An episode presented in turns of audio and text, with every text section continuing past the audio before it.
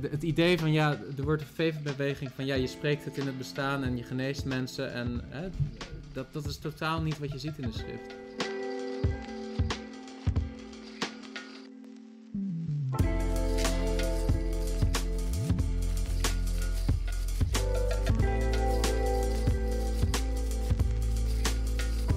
Wat is de functie van bovennatuurlijke tekengaven? Matthäus 9.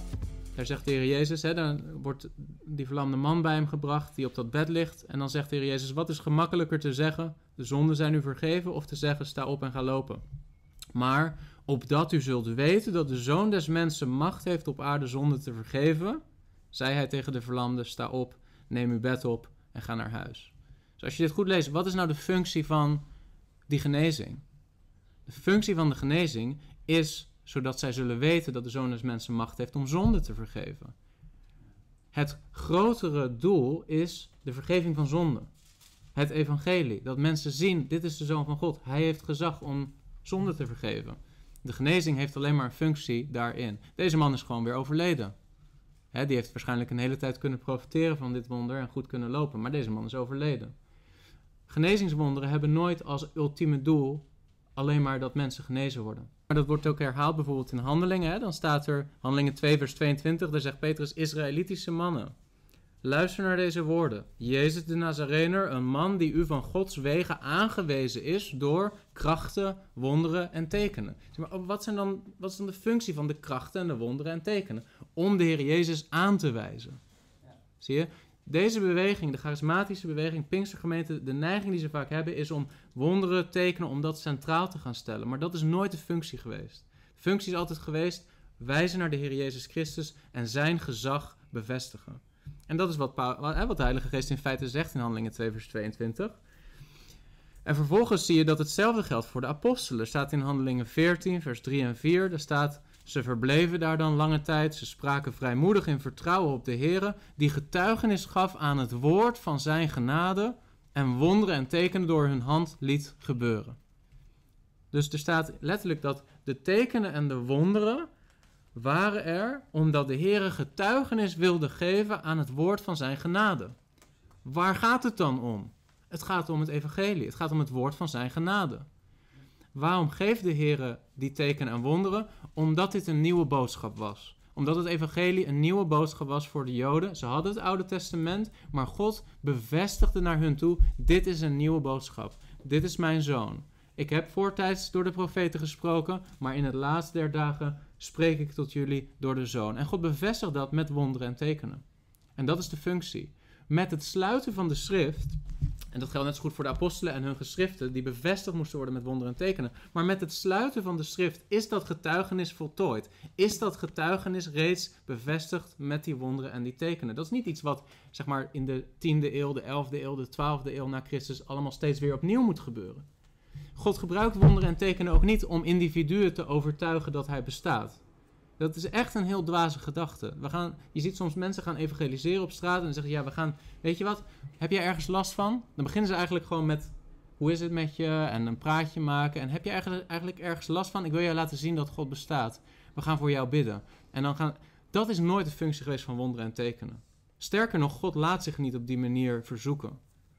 God eh, laat zich niet op de proef stellen door bewijs maar eens dat je bestaat met wonderen of tekenen. Jezus zegt zelfs: een kwaad en overspelig geslacht vraagt naar een teken. Maar het zal geen teken gegeven worden dan het teken van Jona. En dan heeft hij het vervolgens over een lamp.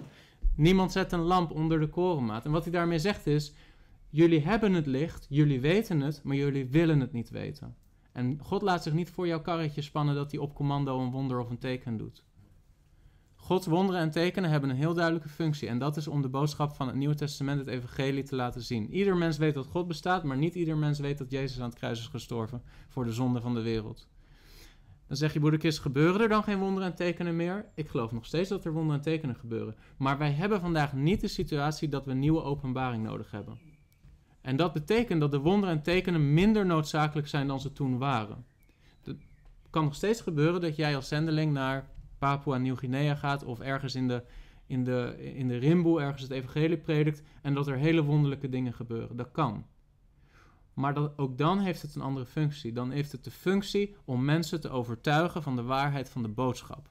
En ik geloof wel dat God geneigd is om op plekken waar het evangelie nooit geklonken heeft, om daar op een meer wonderlijke manier de boodschap te bevestigen dan in Nederland vandaag de dag waar de boodschap bekend is.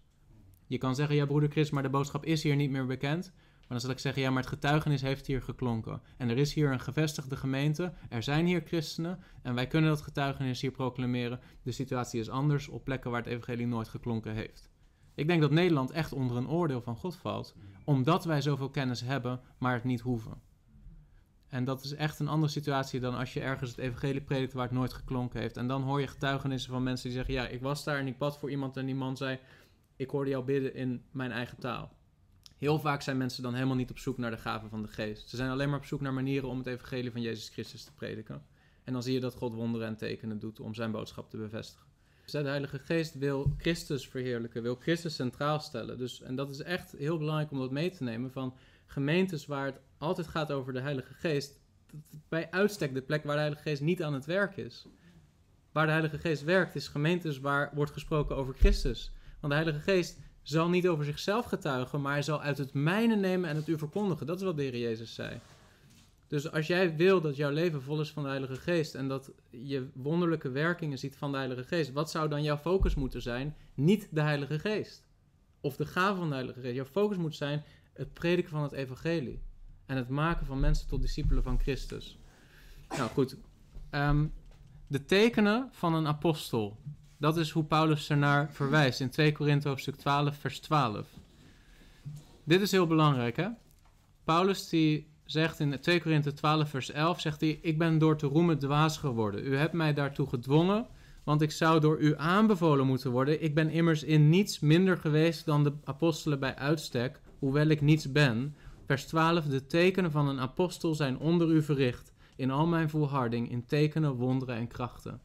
Dus tekenen, wonderen en krachten worden door Paulus verbonden aan zijn apostolisch gezag. Als iedereen in die tijd, zoals dat vandaag de dag wordt onderwezen in charismatische gemeentes, iedereen zou dit soort tekenen moeten kunnen doen. Want de Heer Jezus heeft ook gezegd: hè, U zult grotere dingen doen dan ik. Iedereen moet wonderen en tekenen doen. Dan betekent dit helemaal niets meer. Als iedereen tekenen zou doen, dan zou er niet zoiets zijn als de tekenen van een apostel. Want dan is de apostel niet gemarkeerd of onderscheiden door de tekenen die hij kan doen. Begrijp je dat? Dus Paulus verbindt al de tekenen die hij deed aan zijn apostolisch gezag.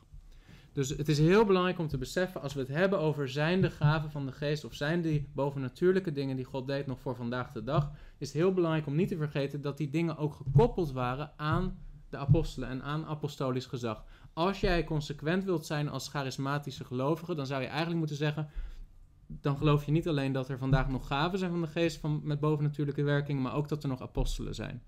Omdat de Bijbel die twee aan elkaar verbindt. Nou goed, er is natuurlijk dan altijd een groep die zegt, nou geen probleem, die hebben we ook. Hè? De New Apostolic Reformation gelooft in apostelen.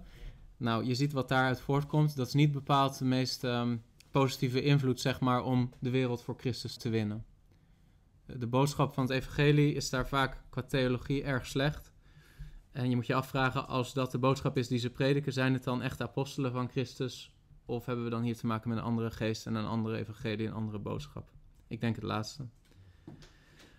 De laatste brief die Paulus schrijft, 2 Timotheus. Daar zou je verwachten dat als Timotheus door moet gaan met een soort bovennatuurlijke apostolische eh, prediking, dat dat hem ook zou worden opgedragen. Maar in plaats daarvan zegt Paulus in 2 Timotheus tegen hem, 2 Timotheus 3, vers 14, blijf bij wat u geleerd hebt en waarvan u verzekerd bent, omdat u weet van wie u het geleerd hebt en u van jongs af de heilige schriften kent, die u wijs kunnen maken tot zaligheid door het geloof dat in Christus Jezus is. Heel de schrift is door God ingegeven, is nuttig om daarmee te onderwijzen, te weerleggen, te verbeteren en op te voeden in de rechtvaardigheid, opdat de mens die God toebehoort volmaakt zou zijn, tot elk goed werk volkomen toegerust. En dan zegt hij, ik bezweer u, dat is hoofdstuk 4, ik bezweer u ten overstaan van God en de Heer Jezus Christus, die levende en doden zal oordelen bij zijn verschijning en in zijn koninkrijk, predik het woord. Predik het woord. Dus hij wijst Timotheus, de, de, de meest trouwe volgeling van Paulus, zijn medewerker, de jongere dienstknecht van de Heer, die misschien wel zijn belangrijkste opvolger zou zijn na hem. Dat weten we niet helemaal zeker, maar Timotheus was in elk geval zijn meest intieme medewerker geworden. tegen het einde van zijn leven. En Paulus weet dat hij gaat sterven. En dan in de laatste boodschap zegt hij niet: Joh, Timotheus, uh, groei in de gave van profetie. Dat zegt hij niet. Hij wijst hem terug naar de schrift. En dan zegt je weet welke boodschap je moet prediken. Je hebt het van mij gehoord. Je weet van wie je het hebt gehoord. Je hebt de apostolische boodschap. Predik het evangelie. Predik het woord. Naar welke schrift verwijst hij hier? Is dat naar het Oude Testament? Ja, hij verwijst hier naar het Oude Testament. Maar hij zegt in vers 16, Pasagafe theopneustos. Heel de schrift is door God uitgeademd, in feite. En als je vervolgens, uh, maar zei, ik heb daar wel video's over op YouTube staan. Maar als je vervolgens kijkt bijvoorbeeld naar waar Petrus, die verwijst naar de geschriften van Paulus als ook de geschriften. Hè, schrift. Dus Petrus stelt het op gelijke hoogte als de oud-testamentische geschriften. Strikt genomen zou je kunnen zeggen dat Paulus het hier puur heeft over de oud-testamentische geschriften. Maar het idee wat hij doorgeeft is. God heeft schrift uitgeademd en God gebruikt die schrift om te onderwijzen. En dan wordt de vraag: oké, wat is dan de rijkwijde van die schrift? En dan zou je eigenlijk moeten kijken naar het hele Nieuwe Testament om tot de conclusie te komen: oké, ook de Nieuw-testamentische geschriften zijn daar onderdeel van, hebben diezelfde functie want Paulus wijst, hen, hij wijst eigenlijk Timotheus terug naar twee dingen. Wat hij geleerd heeft en de heilige schriften die hij kent van jongs af aan. En wat hij geleerd heeft, heeft hij van de apostel. En wordt later ook in de brieven schrift, Nieuw Testament. En wat hij al wist is het Oude Testament. Dus in feite wijst hij hem gewoon terug naar wat wij vandaag noemen de Bijbel. Zeg gewoon, hier de Bijbel, die is volkomen voldoende om de mens van God volkomen toe te rusten. Dat is ook waar de reformatie op gebaseerd is. Sola scriptura. Alleen de schrift is de ultieme gezagregel voor het geloof. Niet de traditie van de kerk, niet het gezag van de paus of wat voor leider in de gemeente dan ook, de schrift. De, de Joden natuurlijk ook, die, wat die, uh, die gemeente daar Paulus had gepredikt had, dat gingen naar huis in ze onderzochten het in de schrift. Toen kwamen ze tot geloof. Ja, in Berea. Ja. Dus, van hé, dat klopt. Ja, maar het is wel het is betekenisvol dat waar je in 1 Korinthe context nog ziet van, oh ja, Paulus wijst zo op die bovennatuurlijke gaven, zie je naarmate de tijd vordert, hè, en dan bij de laatste brief van Paulus, 2 Timotheus, dat het helemaal niet meer zo heel erg gaat over bovennatuurlijke openbaring, maar meer de boodschap is duidelijk, ga de boodschap prediken. En hetzelfde zie je overigens met genezingen, dat in het begin van handelingen, dat er zoveel genezingen plaatsvinden door de handelen van apostelen, en naarmate de tijd vordert, dat op een gegeven moment Paulus Trofimus ziek achterlaat, uh, dat hij tegen Timotheus zegt: neem af en toe wat wijn bij, niet alleen water vanwege uw uh, voortdurende uh, ziekte, buikpijn, maagpijn, wat hij had waarschijnlijk. Dus het idee van ja, er wordt een fevenbeweging van ja, je spreekt het in het bestaan en je geneest mensen. En dat, dat is totaal niet wat je ziet in de schrift.